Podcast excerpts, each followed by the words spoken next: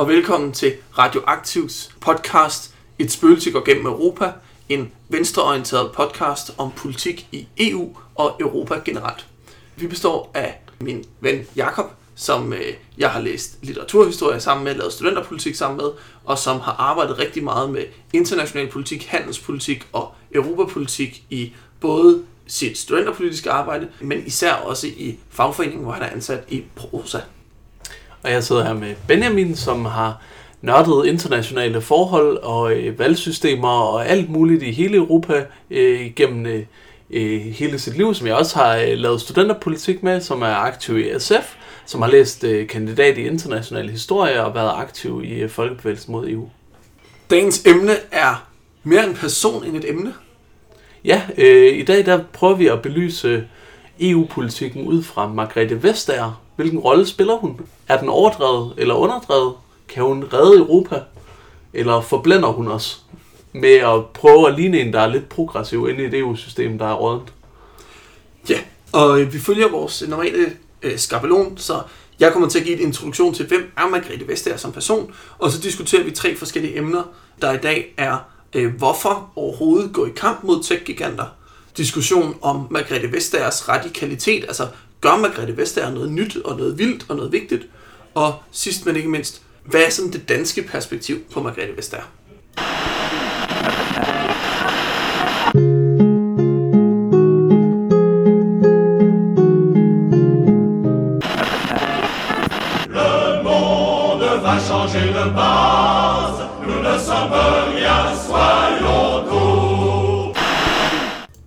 Og Benjamin, du vil lægge ud med lige at give et øh, portræt, et overblik over, hvem er Margrethe Vestager som politiker?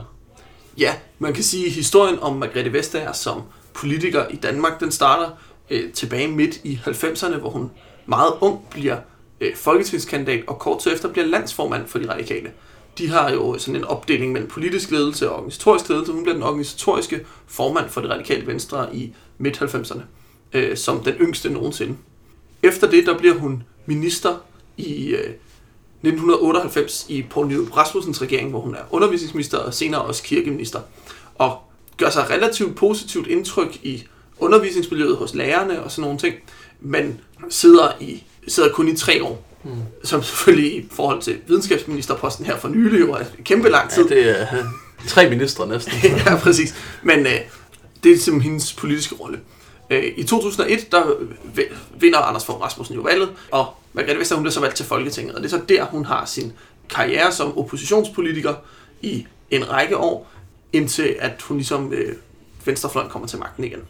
Og noget af det, der er interessant ved hende, det er, at hun var sådan en, der i 90'erne som organisatorisk person og som ikke-folketingspolitiker protesterede mod den sådan ægteskabet mellem det radikale og venstrefløjen. Hendes linje var, at man skulle kunne forhandle til begge sider, man skulle genfinde Helve Petersen-strategien med, og Helmer Bavnsgaard-strategien med at sådan, se, hvor kan vi få flertallet hen. Ja.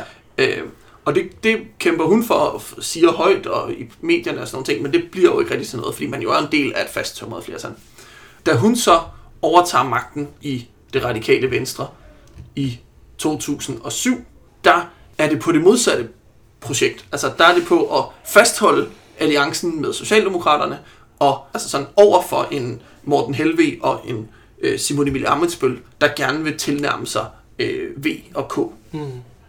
Så det er sådan lidt interessant, at hun bevæger sig på det der stykke. Sådan, og så før, så skal man passe på, fordi så får vi sådan en, den, som venstreorienteret, den gode fortælling om Margrethe Vestager, der starter som borgerlig radikal, og så bliver en rød radikal. Men øh, efter hun overtager magten der i 2007, så går der jo kun fire år før, at vi rammer folketingsvalget i 2011, og jo ikke mindst altså regeringsskiftet. Hmm. Og der viser hun sig jo så fra sin ikke så røde side. Det må man sige. Og øh, Margrethe Vestager er jo hende, der får øh, først insisterer på, at hvis ikke hun kan blive finansminister, så vil hun ikke støtte, øh, så vil hun ikke være med i regeringen sammen med Socialdemokraterne. Og får så til sidst forhandlet hjem en meget stærk økonomiministerpost, der blandt andet involverer alt det, finansministeren plejer at lave nede i EU. Og ikke mindst, så får hun forhandlet den her pasus i regeringsgrundlaget hjem med, at man skal videreføre VK-regeringens borgerlige politik, mm. øh, økonomiske politik. Altså VK-regeringens borgerlige økonomiske politik skal videreføres. Som jo på mange måder set især i på venstrefløjen er sådan der, hvor man tabte de regeringsforhandlinger. Altså det, der er grundlaget for, at Torning-regeringen klarede sig dårligt. Ja, det er ligesom en borgerlig spændetrøje, man får på fra starten, som så man i hvert fald, når man sidder og kigger tilbage, kan tænke, når man ser på skattereformen, hvor man tager for folk på overførselsindkomst, der giver det i, i selskabsskattelettelser øh, og topskattelettelser og lignende, at det, er det ligesom der, det slag bliver afgjort. Ja, og der er også der, at man får lagt rigtig mange af de ting, der sker i EU, altså finanspagt og alle de her ting, der bliver besluttet i den her periode, bliver ligesom trumfet igennem med, vi viderefører den borgerlige regeringsøkonomiske politik. Det her, det er den, det er den nødvendige politik, den fornuftige politik. Så der er en, en rigtig masse linjer, der ligger derfra. Ja, altså det er jo, øh, det er jo sådan, på, kan man sige, sådan historien om Margrethe Vestager som dansk politiker, der kulminerer øh, med regeringssamarbejdet øh, samarbejdet med øh, Helle Thorning og Ville Søvndal, og sådan set ud fra et venstreorienteret synspunkt måske kulminerer med hendes øh, udtalelser, sådan er det jo om folk, der falder ud af dagpengesystemet. Altså sådan en højreorienteret økonomisk politik, øh, venstreorienteret værdipolitik, og en fuldstændig manglende forståelse, sådan vil mange venstreorienterede sige, for konsekvenserne af den politik, man fører uden for Regneark og øh, Storkøbenhavn.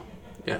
Altså, insisterende på at gennemføre en hård økonomisk politik, og ligegyldigt hvor mange der falder ud af det dagpengesystem, man har nået at forringe med de borgerlige lige inden øh, regeringen, den øh, øh, RSF-regeringen træder til, så bare hold fast på, at øh, det skal ikke grundlæggende forandres. De må bare falde ud, sådan er det jo. Ja. Og det er sådan afslutningen på hendes karriere som dansk politiker. Men i forbindelse med Europaparlamentsvalget i 2014, så skal der jo udpeges kommissærer bagefter, og det er jo altid sådan et, et, et djævelens forhandlingsstykke, hvor man skal prøve at stille både den kandidat, der gerne vil afsted fra Danmark, den mest kvalificerede kandidat, og så den kandidat, der kan skaffe, øh, om man så må sige, Danmark den bedste post. Hmm. Og nogle af de ting, man kan forhandle med, det er jo at sende prestigefyldte politikere afsted. Altså, i 90'erne sendte Danmark Poul Nielsen øh, derned fra Danmark, så blev han udviklingskommissær, og det er jo fint nok og en vigtig opgave, men jo ikke sådan en prestigefuld post i EU-systemet. Der var øh, lidt mere succes hos Anders Fogh, der sendte Marian Fischer Bo ned og blive landbrugskommissær, som i hvert fald økonomisk og sådan, som andel af EU-budgettet er en klart større post. Ja. Og en af de ting, man så lykkedes med at sende, øh, da man kunne sende Margrethe Vestager ned, det er jo det her med at sende en kvinde ned i et EU-system, der i høj grad bare mangler øh, kvinder, og sende en afsted, der havde haft økonomisk ansvar, sende en, der kendte EU-systemet, fordi hun havde alle både sådan økonomi- og finanspolitiske EU-poster fra, sådan, som regeringsdeltager. Med et meget stærkt netværk måske også, og en som EU-systemet vidst og anerkendt havde været med til at øh, skabe traction for dagsordner i Danmark og, og få EU-dagsordner igennem i Danmark i regeringens arbejde. Ja, og man, det er jo også en ting ved at sende en radikal afsted. Ikke fordi, at de alle sammen sidder og følger nøje med i dansk øh, sådan partipolitik, men man sender jo en afsted fra det mest EU-positive parti. Mm. Øh, og jo en med, der forstår den her øh, EU-dagsorden og den her kosmopolit forståelse af verden. Altså Europa er fremtiden, øh, nationalstaterne er lidt i vejen, folkene er lidt i vejen. Mm. Øh, så på den måde, så sender man en afsted, der ligesom er en del af systemet og forstår systemet. Og det bliver så belønnet med den her konkurrencekommissærpost, som til at starte med jo lyder lidt stenet, fordi tit så tænker vi på kommissærerne som ministre, tilsvarende de danske, og øh, så forstår vi godt, hvad en udenrigskommissær gør, eller hvad en landbrugskommissær gør, men hvad gør en konkurrencekommissær i virkeligheden? For vi har jo ikke en tilsvarende konkurrenceminister i Danmark. Det er jo i høj grad, fordi EU-systemet er bygget op omkring at facilitere et marked. Det fri marked, og som en del af et velfungerende marked, så skal man også have øh, en god konkurrence. Og derfor er det jo en slags markedsminister på en eller anden måde, man får fat i. Og så er det jo de, en af de vigtigste poster i EU-systemet. Ja, noget af det allervigtigste i EU-systemet fra grundlæggelse til nu er jo vel spillereglerne for det indre marked, og det der påvirker også de enkelte medlemslande mest, og EU's position på verdensmarkedet mest. Og, og det er så den post, hun på en eller anden måde øh, hun varetager, hvor hun er med til at definere, hvor går grænsen for de spilleregler, der er for den måde, vi konkurrerer med hinanden. Ja, den rolle har hun udført, og det der har været det fremtrædende i medierne, det har jo været kampen mod de store gigantvirksomheder, og især tech-giganterne. Altså, man snakker om de uh, the big five, Apple, Amazon, Facebook, Google og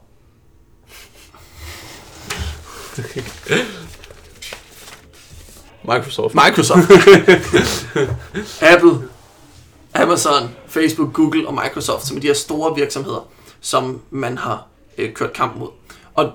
Den kamp øh, har hun så ført. Og det er noget af det, som vi skal til at snakke om øh, nu. Altså, Margrethe Vestager i det her EU-system, hvordan har det været?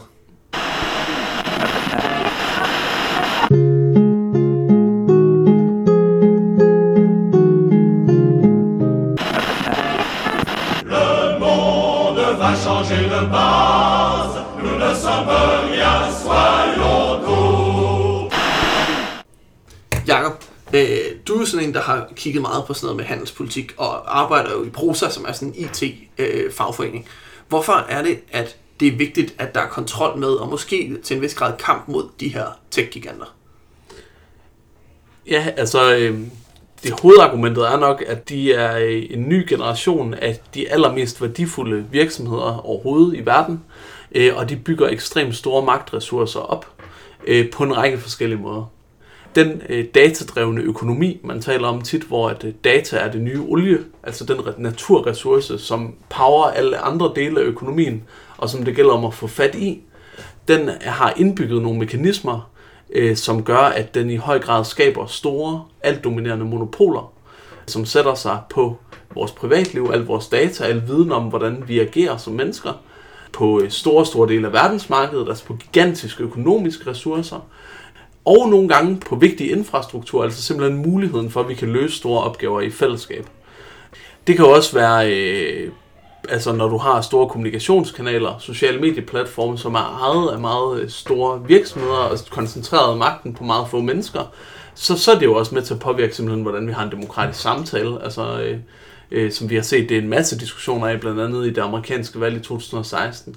Men altså hovedsagen er simpelthen, at på alle mulige på medieplatforme, hvordan diskuterer vi med hinanden, hvordan løser vi opgaver i fællesskab, som giga økonomiske aktører, så er tech-giganterne bare nogle af de aller, aller mest magtfulde organisationer i hele verden. Øh, og de bygger mere og mere magt op hver dag, og det ligner, at det næsten er umuligt øh, for andre øh, mindre virksomheder at konkurrere og udfordre dem på nogen som helst måde, og stater at regulere dem. Ja, der er jo mange ting i det her, og jeg tænker, vi tager dem sådan en af gangen. Noget af det, du siger her til sidst, det er det her med, at andre ikke kan konkurrere. At vi får den her monopoltilstand, hvor den ene virksomhed sidder på det hele. Og øh, det er jo noget, som har tidligere har været ret succesfuldt, man har kunne bryde med. Altså, i, tilbage i startnullerne, der var det Microsoft, der var den store øh, provider af operativsystemer på computerne, og der fulgte Internet Explorer med, og det var det, alle brugte. Øh, og så var det jo faktisk altså sådan, den amerikanske konkurrencestyrelse og den europæiske konkurrencestyrelse, sagde, I skal ikke kunne misbruge jeres magtposition på et område, operativsystemer, til også at pålægge øh, monopol på et andet område, nemlig browser, og jo fik presset på for at skabe den her situation, hvor hvor Mozilla øh, Firefox kom ind og tog en stor del af markedet, hvor Safari har fået en stor del af markedet på Macs, og hvor Google Chrome jo fandt, har fundet sin rolle i det her. Mm. Sådan så, at man har fået opbrudt det her monopol. Men det monopol kunne man ligesom finde ud af at bryde op. Men andre monopoler eksisterer jo stadigvæk. Altså, det klareste, tydeligste eksempel er vel øh, søgemaskinemonopolet. Ja, lige præcis. Altså, øhm, jeg læste lige for nylig i en rapport, at, at øh, søgninger på handelsvarer, altså søgninger øh, i USA, hvis du skal sidde og søge på, øh, jeg skal købe en eller anden ting via nettet, så øh, har øh, Amazon og Google faktisk altså effektivt delt det marked mellem sig. Sådan at øh, 55% af de amerikanske forbrugere, de starter deres produktsøgninger på Amazon, og 28 begynder på Google. Der er altså kun øh, altså 17%, der vil handle noget overhovedet online, der starter et andet sted end de to selskaber. Og det er bare en situation, altså på en række situationer på interaktion med hinanden på, på online salg i, øh, i det hele taget, og på online annoncering, der kan du se, at verdensmarkedet simpelthen er delt i monopoler, duopoler, altså to firmaer, der deler det imellem sig, eller i få tilfælde oligopoler, altså måske 3-4-5 øh, virksomheder, der deler det imellem sig. Og det giver dem en ekstremt stærk magtposition. Ja, og det er jo sådan en klassisk økonomisk problemstilling. Altså, det er jo sådan noget helt tilbage fra sådan de tidlige liberalister vil sige, at det eneste staten i virkeligheden skal bruge sin magt til, det er at opbryde monopoler. Mm. Fordi hvis nogen bliver så stærke, at andre ikke kan komme ind, altså forsvinder markedet jo, fordi så kan du ikke vælge, hvem du vil handle med, så kan du kun handle med den ene, den ene rolle, og så er det, vi får tilsvarende sådan de gamle statsmonopoler og sådan noget. Altså, så får vi jo en effektiv økonomi, vil liberalisten sige, og fra, ud fra et venstreorienteret synspunkt, så er det jo også rigtigt. Altså, vi er jo også imod ineffektiv økonomi, mm. men jo også et, et spørgsmål om manglende frihed og en, og, og en magt, der bliver placeret et andet sted. Altså i, i et privat virksomhed. Præcis, og der er nogle ting, der... Altså, og dermed kan man sige, at man kan sagtens være imod monopoler på sådan en klassisk liberalistisk måde, hvor man siger, at vi vil egentlig bare have markedet til at fungere bedre. I sådan en neoliberal tidsalder, der er der ret få borgerlige, der forfægter det synspunkt, men det kan vi jo vende tilbage til. Det er måske netop noget, at den indgang, Margrethe Vestager ligesom har øh, til den debat. Altså, så tror også, det er vigtigt at sige, at der er nogle ting i den måde, øh, den her datadrevne økonomi foregår på, der gør det lettere at lave monopoler, end man har set tidligere. Altså mange af de her virksomheder, de opererer sådan, at du får en tjeneste gratis, søgemaskinen hos Google eller Facebook betaler vi jo heller ikke for, eller med meget, meget lav omkostning. Til gengæld så siger du ja til nogle terms of agreement, som, øh, som regulerer, hvordan de må bruge dine data. Og det betyder basically, at alt din adfærd, nogle gange også på andre apps og andre medier, og hvor du bevæger dig rundt hen i verden og alt muligt andet, det giver du så til den her virksomhed. Og når, jo mere du interagerer med den virksomhed, jo mere data du giver, jo mere lærer den om dens brugere, øh, og jo bedre bliver den til via selvlærende algoritmer at justere sit produkt, og jo mere konkurrencedygtig og effektiv bliver den. Derfor får den flere brugere, derfor bliver dens data bedre, den er algoritme mere præcis, og den får en større markedsandel. Så hvis du først dominerer et digitalt marked, så er det næsten umuligt for nogen at konkurrere med dig. Og når du så en sjældent gang imellem ser, at det er muligt, for eksempel WhatsApp og Instagram, øh, der er sociale medier og kommunikationsplatforme, der har udfordret for eksempel Facebook, så bruger de sådan lidt mere den old school metode, som er bare købt. Ja, øh, et godt eksempel, som vi snakker om, før vi startede med at optage det, på de her, den her monopoldannelse, det er jo den danske vinapp øh, Vivino, som øh, sidder på vin-app-markedet, altså konceptet, at man scanner en øh, vinetiket ned i supermarkedet, og så kommer der frem, hvad den smager af, og hvad brugerne har anmeldt den til, og måske også nogle superbrugere, hvad de synes om den. Sådan så man kan se, øh, om den her vin er værd at købe. Og det er jo sådan noget, der kun fungerer, hvis man faktisk har alle vinetiketter stort set i verden scannet ind i sin database, og netop kræver ja. en rigtig stor opstart. Og den måde, øh, de kom over den på, fordi det er en, en idé, mange havde fået, og ikke rigtig nogen kunne få til at fungere, det var, at de fandt ud af, at den mest effektive måde for at opbygge den her database, det var, at når øh, der sad en dansker og scannede en vinetiket i supermarkedet i Danmark, og de ikke havde den i deres database, så blev der sendt det der billede, danskeren tog, til en inder, der sad på, et, øh, på sådan et kontor i Indien, og så sad han og googlede vinetiketten indtil, og sådan skrev den ind i systemet og sendte information til danskeren, der scannede den. Og så gjorde de det, indtil de havde så stor en database, at de kunne bruge det til, altså de kunne undvære inderne. Mm. Altså, så det kræver også en vis kapital altså, for at komme i gang med det.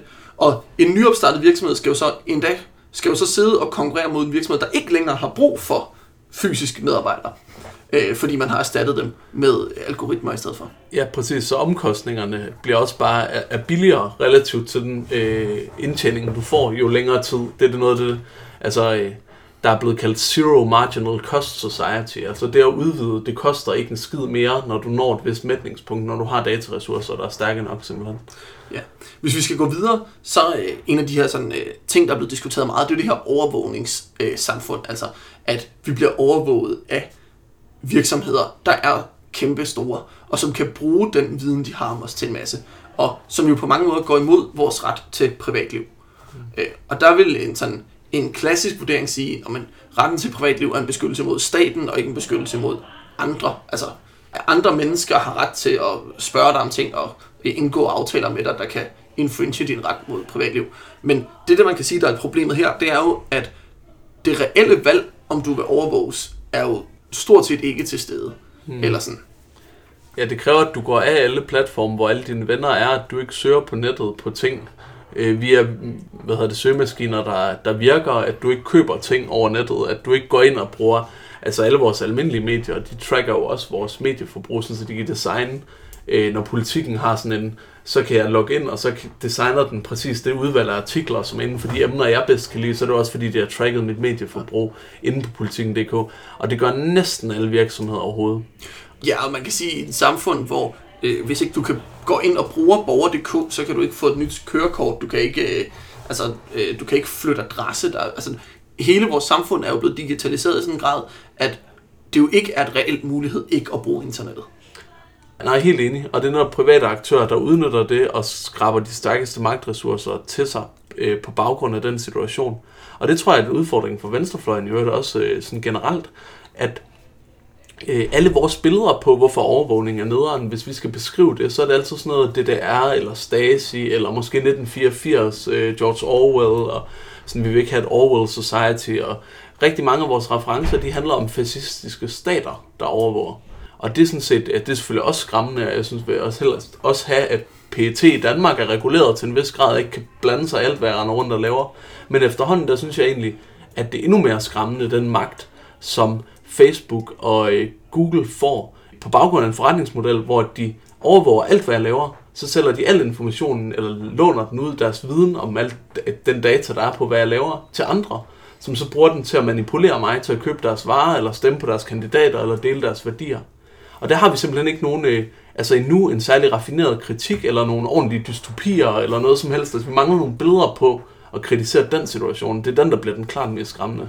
Ja, og så flytter overvågning jo over til at blive et andet problem end overvågning, fordi de bruger den information til noget. Så bliver det jo et demokratisk problem. Mm. Både i den forstand, altså sådan det her Cambridge Analytica-sag, der har været, hvor overvågning på Facebook er blevet brugt til at påvirke folk til at stemme på Donald Trump og stemme Brexit. Men jo også, synes jeg, i sådan en den kraft, altså det vi snakker om før med monopolerne, at der er nogle af dem, der bliver så store, at de sætter sig uden for demokratiet.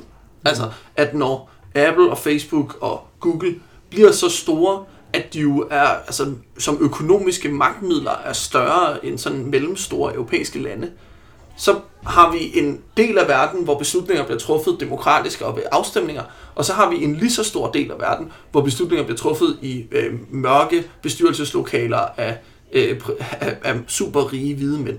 Mm. Så der er også sådan en, en demokrati-aspekt i det. Og du har en anden far, som du har, som, som bliver endnu vildere, fordi hvad er det så for nogle beslutninger, de kan træffe, når de har al viden og kæmpe meget magt? Jamen, jeg synes, øh, et, et af de tydelige eksempler for mig, øh, og der er masser af eksempler på det her, men, øh, men det er IBM, øh, som har bygget øh, den her ting, der hedder Watson, som er sådan en slags kunstig intelligens. Og øh, det Watson er specialiseret i, Watson har arbejdet og blevet lejet ud, eller hvad man kan sige, til øh, hvad hedder det, hospitaler i hele verden, også i Danmark. Øh, og Watson specialiserer sig i at diagnostisere cancer. Det, der er fordelen ved det, det er jo helt øh, tydeligt, at øh, det tager ikke noget tid at uddanne Watson. Watson har bare direkte adgang til al information om cancerdiagnostik på nettet hele tiden. Og hver gang en Watson laver en korrekt eller en forkert øh, cancerdiagnose, så lærer alle de andre Watson-enheder også af den korrekthed eller den fejl i det skøn. Det gør, at de bliver meget, meget præcise og dygtige meget hurtigt i forhold til, hvad mennesker gør. Vi skal først på uni, og måske lærer vi ikke engang, når vi begår fejl altid og sådan noget. Så det er ekstremt effektivt. Men, men problemet det er jo, at på sigt, og måske allerede til dels, så ejer IBM forudsætningen for, at vi kan lave en effektiv og præcis cancerdiagnostik i fællesskab på vores sygehus i Danmark, eller i Norge, eller Sverige, eller Brasilien, eller hvor det er, og, og til sidst i store dele af verden. Øh, og det er jo en slags hård magt. Altså, forestil dig den situation, hvor at IBM øh, kommer i konflikt med, ligesom Mærsk har været det mange gange, øh, med en regering. De synes ikke, at den, de skal beskattes eller have, betale skat i det hele taget, eller vi prøver at indføre en automatiseringsskat, eller en robotskat, eller en dataskat. Øh, og de siger, at det er fint nok, vi fjerner bare Watson-enhederne og unplugger dem på jeres sygehus, og så må I selv prøve at lære jer selv igen øh, og lave cancerdiagnostik. Og vi ved, at det fører sig bare til så og så mange ekstra dødsfald, fordi vi diagnostiserer mindre præcist. Det er jo sådan en helt hård magt, man lige pludselig har til at presse stater og fællesskaber øh, til øh, at ikke øh, undlade at regulere, øh, og sådan set også øh, til at være forudsætningen for, at vi overhovedet kan løfte opgaver på ordentlig måde i vores fællesskaber. Ja, og noget af det, jeg også synes, der altså et eksempel her, det er jo IBM, som jo oprindeligt var været en skrivemaskinefabrikant, øh, har nu cancerdiagnostik, eller sådan, og vi har også set med Google, som jo ejer en masse forskellige virksomheder, og er, og er jo nogle af frontrunnerne på førerløse biler, ja. altså selvkørende biler. Og, og der kunne man også øh, forestille sig, at, øh, at hvis de på et tidspunkt sagde, men nu, øh, øh, nu kan I ikke få opdateret jeres, øh, jeres software øh, på jeres selvkørende biler i det her land mere, fordi vi er sure på jer. Øh, altså, det er jo sådan en fuldstændig uholdbar situation. Lige præcis. Jeg så, at Google havde købt, øh, øh, hvad hedder det, dem, der havde mest big data på, hvordan værtssystemer opererer i verden, for eksempel. Altså, der er bare nogle af de her ting, dem vil du gerne have, at ikke er koncentreret. Hvordan er vejret? Kan biler køre? Øh, kan vi kurere folk for kraft øh, og behandle det præcist? at det øh, ikke ligger hos virksomheder, men det ligger i fællesskaber hos stater, eller i hvert fald er, kon- øh, ikke er så koncentreret i virksomheder, at, at de kan vælge ligesom at unplugge lande, de bliver utilfredse med. Og jo højere grad kan man sige, det gør jo sværere bliver det også at lave en eller anden form for socialisme, fordi hvis de der folk så ikke er med på det, så kan de bare ligesom sådan tage det ene stik efter det andet øh, på, at vi kan have et effektivt samfund. Ja, så det er jo vores første diskussion, og meget relevant. Øh, hvorfor skal vi føre kamp mod tech-giganter? Hvorfor er det en god ting, kan man sige, at Margrethe Vestager har engageret sig i den her kamp?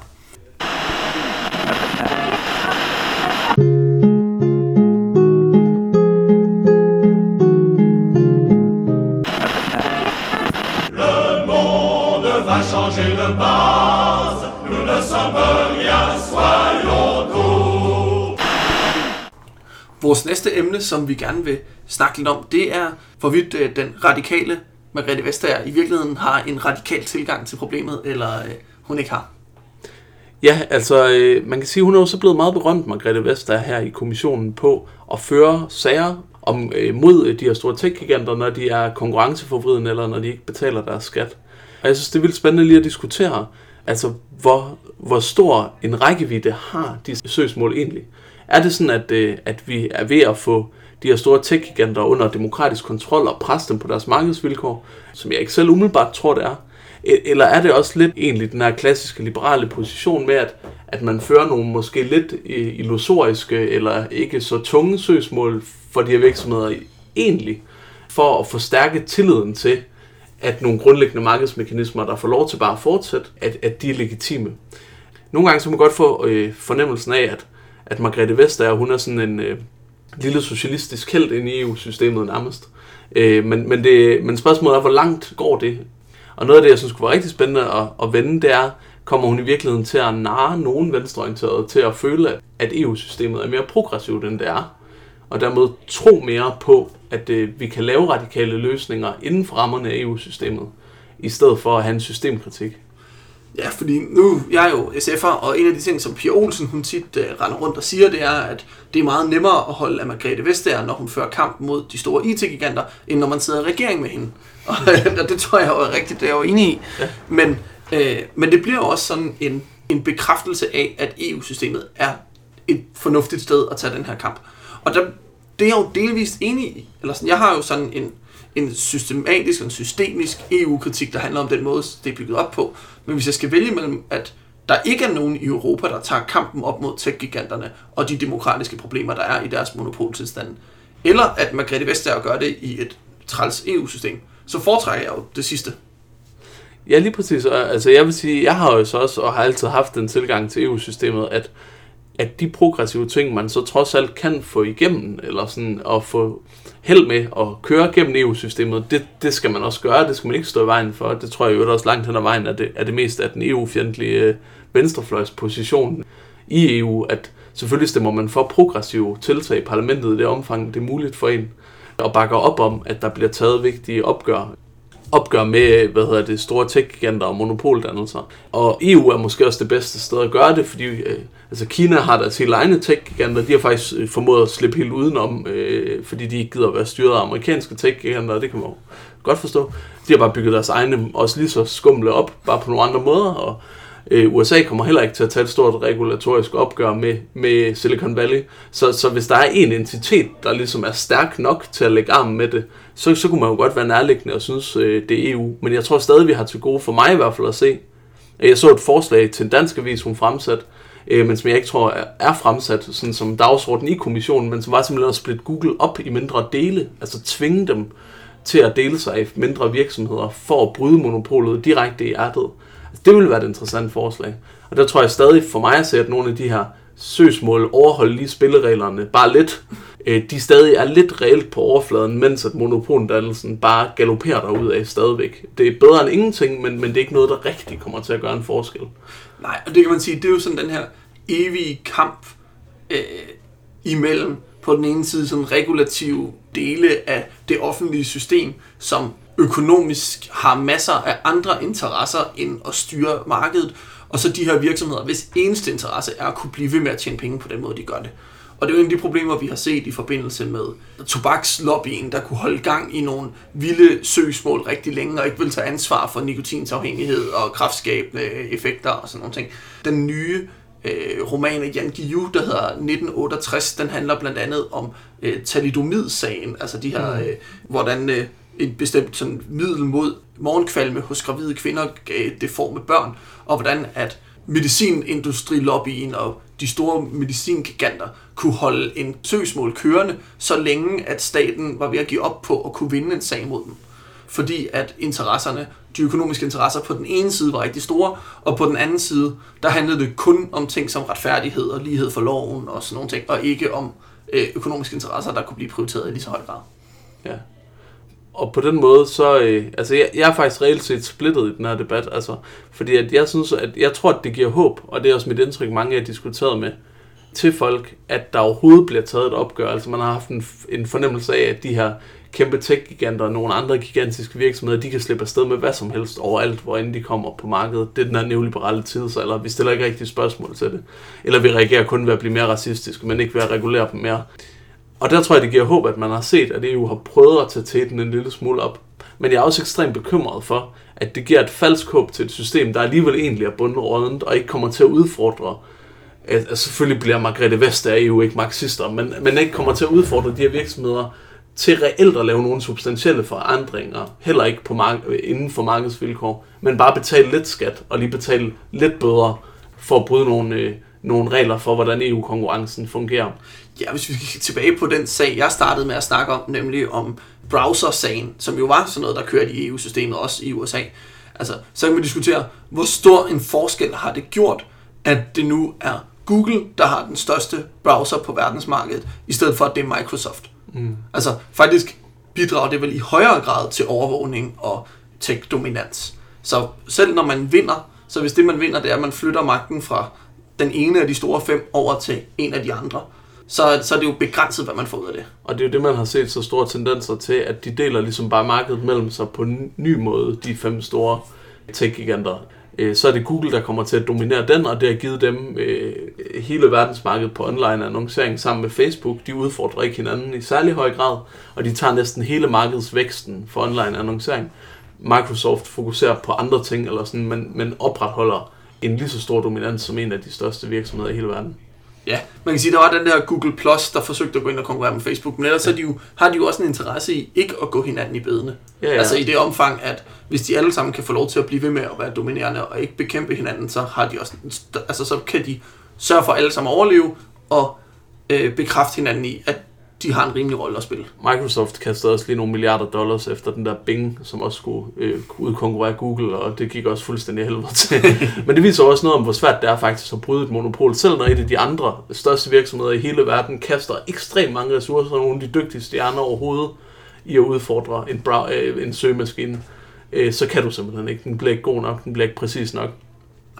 Så det man kan sige ud fra sådan et, den her diskussion om radikalitet, det er, er det overhovedet muligt at gå til det her spørgsmål uden at være radikal, altså som jo er, øh, som betyder at tage fat i roden. Altså handler det om at lukke de her virksomheder, splitte dem op i dele, eller simpelthen forbyde dem at finde nye profitområder og sige sådan, men så må I kun have søgemaskiner, så skal I holde jeres fucking hænder væk fra de selvkørende biler og Google. Mm. Eller sådan. Altså er det, er, er det de her radikale krav, der skal til for, at vi kan gøre noget ved det? Altså, Ja, og det, det, det, tror jeg, det tror jeg, der ligger jeg, at det er det nok. Og at noget af det, der også er spændende ved den her debat, det er, at den reaktualiserer radikale venstreorienterede krav. Altså, det, folk får mere bredt øh, behov for at snakke om fælles eje, øh, om opsplitning af virksomheder, om nogle meget mere drastiske greb, end vi har snakket om længe, øh, uden for den meget lille venstrefløj. Fordi at det bliver så åbenlyst, at den magt bliver problematisk, øh, når den øh, ikke kan reguleres og ikke styres af stater der tror jeg alligevel, jeg synes stadig, Margrethe Vest, at hun mere slører problemet ved nogle mindre øh, aktioner, end at vi har til gode at se hendes, øh, altså, hendes spille en rolle, som, som kan ændre de vilkår. Ja, så man kan sige, hun øh, strør sukker oven på, øh, på, den, på den beske mad, i stedet for at, at smide retten ud. Altså det, det er meget, at vi får ikke den her grundlæggende opgør med det system, der er lige nu. Det, det, ja, der ligger jeg nok.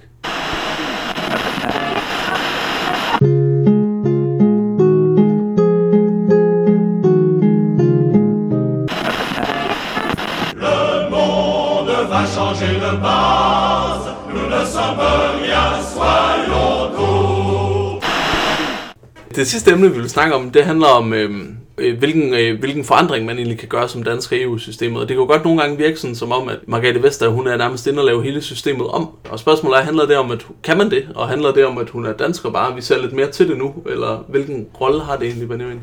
Ja, man kan jo sige, at nogle af de her øh, sager har jo kørt tidligere, hvor det ikke var Margrethe Vestager, der sad på spidsen.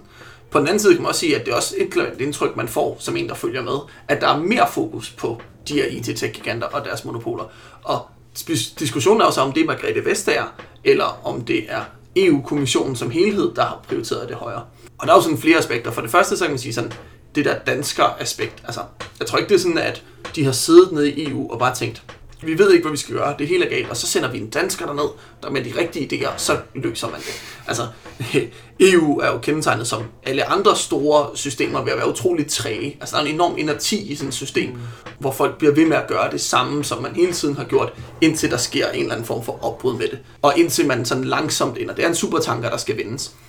Og i det aspekt, så tror jeg, man må sige, at når Margrethe Vestager melder ting ud, sådan i pressen, sender presseuddelelser ud, starter retssager, så er det ikke fordi, det er en idé, hun har fået. Så er det jo fordi, at hele embedsværket og hele kommissionen er blevet enige om, at det er en rigtig prioritering, og det er vigtigt at gøre.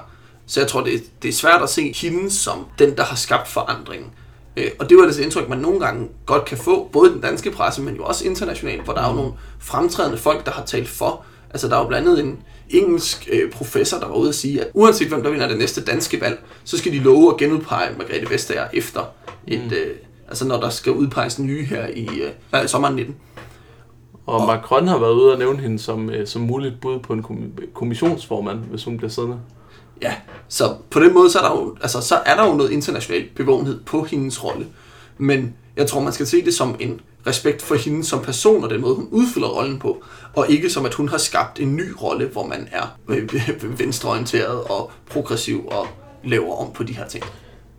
Nej, det tror jeg præcis også, og man kan sige, at jeg er helt enig med dig. Øh, det, det er et udtryk for, at det er et system, der bliver øh, klar over, at det alligevel bliver nødt til at forholde sig aktivt til de monopoler, som de her tech-giganter starter på en anden måde, og så er EU-systemet jo også nogle gange et system, der mangler bare noget så lidt som et godt ansigt på en sag, som det gerne vil gennemføre. Altså, tit har det det modsatte, der har det et ekstremt uduligt ansigt. Folk, der kalder folk fascister og gennem lusinger til topmøder og lignende. Og folk, der virker som nogle store pamper og nogle dogne tosser og har designet skattefusksystemer i deres hjemlande. Og, altså, de er meget tit øh, udfordret på forhånd på, at det er nogle meget dårlige ansigter på de dagsordner, de gerne vil sætte. Og det, det tror jeg uden tvivl, der er hun professionel og, og leverer ligesom også i pressen og, og har et godt forhold til journalisterne, øh, er jo helt tydeligt. Men jeg synes, at jeg så et interview med, med Macron her for nylig, hvor han ligesom snakker om, at verdensmarkedet i et sikkerhedspolitisk perspektiv er delt nu øh, på kunstig intelligens mellem øh, Kina og USA. Øh, Kina styrer primært sig selv og dele af Afrika, og USA styrer det meste af den vestlige verden, øh, og får mere og mere viden om, hvordan alle agerer og overvåger folk mere og mere. Og at vi bliver nødt til at have EU-gigantvirksomheder, der også overvåger folk og bygger øh, databanker op, som kan analyseres af kunstige intelligenser. Øh, ellers så både på våbenteknologi, på produktionsvirksomhed, på overvågning, på alt muligt øh, efterretningsvæsen, der falder vi fuldstændig bag af dansen. Det reflekterer sig selvfølgelig også i kommissionen og i hele EU-systemet, at der er noget rå magt i det. Altså man er egentlig bare udfordret af den situation, der er på verdensmarkedet for tech-giganter. Og hvis man nu siger, at Macron han sådan kommer til at tale over sig, eller at det er den linje, man fører, og det der kunne man godt tyde på, at det er, så er der jo ikke tale om et opgør med tech-giganter. Så er der jo bare tale om sådan en eller anden form for merkantilisme, hvor man forsøger at skabe et marked for sine egne tech-giganter, der så kan udnytte den arbejdende befolkning og, og øh, få presset øh, profitraterne i vejret øh, for øh, virksomheder. Bare øh, i Frankrig og Danmark og Tyskland, i stedet for at det skal være amerikanske virksomheder, der sidder på det hele. Og det er selvfølgelig muligvis bedre for sådan en europæisk magtpointe, øh, som kan være relevant nok. Altså jeg tror også, hvis nu jeg skulle vælge mellem, om det var en ond franskmand, en ond amerikaner eller en ond kineser, der skulle bestemme over mit liv, så er det også så der er sikkert øh, bedre mad og bedre film, hvis jeg peger på en franskmand. men, men, men det er jo ikke det, jeg ønsker. Altså jeg ønsker jo en demokratisk verden, hvor vi gør ting i fællesskab. Ja, præcis. Og, og det skal man nok ikke mistænke kommissionen for, men det er den iklædning, som de initiativer, Margrethe Vestager kommer med, tit får i den danske presse. Det er ligesom, øh, se, der er rum for en demokratisk proces og et demokratisk opgør i EU-systemet. Se, man kan regulere med en mere social forankring og en mere fællesskabsorienteret øh, fokus. Og der tror jeg i høj grad, øh, langt høj grad, man skal have mistænkt for ligesom at sige, at at der er nogle øh, helt, øh, ja, nærmest merkantilistiske interesser i at øh, fremme sine egne nationale virksomheder, og så nogle sikkerhedspolitiske interesser i. Øh, det var det Snowden-afsløringen viste os, ikke? At øh, hvis vi alle sammen bruger amerikanske produkter, så kigger den amerikanske efterretningstjeneste med i alt, hvad vi laver. Og derfor prøver Kina at få os alle sammen til at bruge Lenovo, fordi hvis vi bruger det, så kigger kineserne med i alt, hvad vi laver. Eller sådan. Men hvem, hvor kigger europæerne med? Altså det er også, vi ligesom udfordrer rent udenrigs sikkerhedspolitisk af, at det er et verdensmarked, der ikke er inden for EU's kontrol, og det reagerer man på. Ja, og der synes jeg, det er interessant, når du siger det her med, at så er det en, en magtkamp, og hvis vi som forbrugere og som venstreorienterede står i en situation, hvor vi skal vælge mellem, om det skal være EU-magten, der forsøger at bestemme over vores liv i på en måde, vi ikke har lyst til, eller den kinesiske eller den amerikanske. Hvor er det så, vi skal kigge hen i stedet for? Og vi snakkede jo tidligere i forhold til radikalitet med, at vi begyndte at i talesætte nogle ting omkring fælleseje og nogle ting omkring decentrale beslutninger og sådan nogle ting, fordi vi bliver nødt til det på grund af de her IT-situationer. Og der synes jeg, det er interessant, at nogle af de steder, hvor tech-giganterne ikke har fået et monopol, det er jo, vi har tidligere snakket om Mozilla Firefox som browser, som jo er open source, og jo er mm. ejet af dem, der udvikler det, og ikke af nogle af tech-giganterne. Og det andet er jo Wikipedia, som jeg synes er sådan et, et klasse eksempel på, at man faktisk kan have mm. et fællesskabsejet monopol. Øh, og det kunne jo være interessant, hvis det var det, som EU-systemet og Margrethe Vestager har forsøgt at kæmpe for. Altså øh, nogle af de her sådan open source, fællesredigerede, fællesskabsejede eller ingen ejede monopoler, hvor det er brugerne, og det er forbrugerne, og det er borgerne interesser, der kommer i centrum, i stedet for bestyrelseslokalets og profitratens interesser. Lige præcis, og det tror jeg også, øh, altså i vidt omfang er vejen frem. Jeg har haft mange diskussioner med folk, hvor vi ligesom siger, jamen er det ikke også en mulighed, at ting foregår på platformen øh, øh, og digitalt, for at bygge digitale pro- progressive kooperativer og alt muligt op øh, i meget stor skala? Og man siger, jo, det er det, øh, men der er meget få eksempler på det desværre. Altså de fleste af den type virksomheder er ekstremt nederen.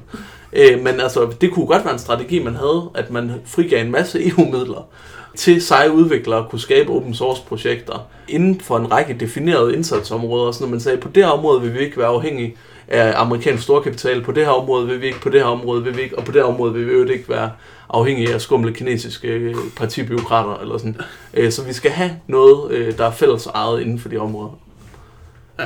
Men så får Macron jo ikke den samme magt, som øh, den kinesiske præsident og den amerikanske præsident. Nej, det er ligesom at give magten fra sig for EU-systemet, og det er jo nok også derfor, altså, det interview, jeg læste med Macron, der var det også det, han ville have, det var øh, det franske Google, øh, bare, øh, som var lige så stort som Google, og kunne lægge arm med dem, og være reguleret med udgangspunkt i Frankrig, og betale det meste af deres skat der. Og, og det, igen, det er jo ikke, altså, det er jo sådan set bare et øh, national egoistisk øh, markedsinteresse. Ja, og en, øh, og et, hvad hedder det, sådan et, øh, et luftkastel. Altså, det er jo ikke noget, der er i nærheden af at blive til virkelighed. Nej. Le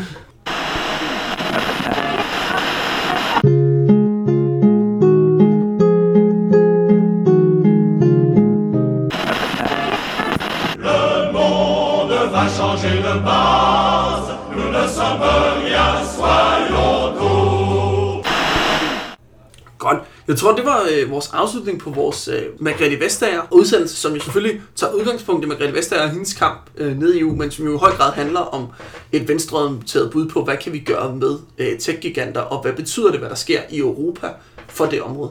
Ja. Lyt med til vores øh, næste udsendelse, hvor at, øh, vi vil diskutere, hvordan er det præcis teknisk, juridisk og politisk, at EU begrænser vores mulighed for at nationalisere og træffe fællesskaborienterede løsninger. Der er tit debat om, og man siger tit på venstrefløjen, at det er svært at nationalisere inden for rammerne af EU. Øh, men hvorfor er det nu lige præcis, der er det? Og hvordan fungerer de mekanismer? Ja, og øh, der har vi fået øh, fint besøg, eller får fint besøg. Øh, vi får medlem af Europaparlamentet, Rina Ronja Kari, forbi øh, til at diskutere med os om, øh, hvordan EU begrænser øh, den offentlige sektors muligheder for, øh, hvad vi har lyst til at gøre med økonomien. Så det bliver super spændende. Yes. Øh, vi håber, I har nyt at lytte med den her gang. Vi håber, I har lyst til at lytte med næste gang. Øh, og vi håber, I har lyst til at lytte til alle de andre gode podcasts på Radioaktiv. For den her gang, tak fra Benjamin. Og fra Jacob. C'est la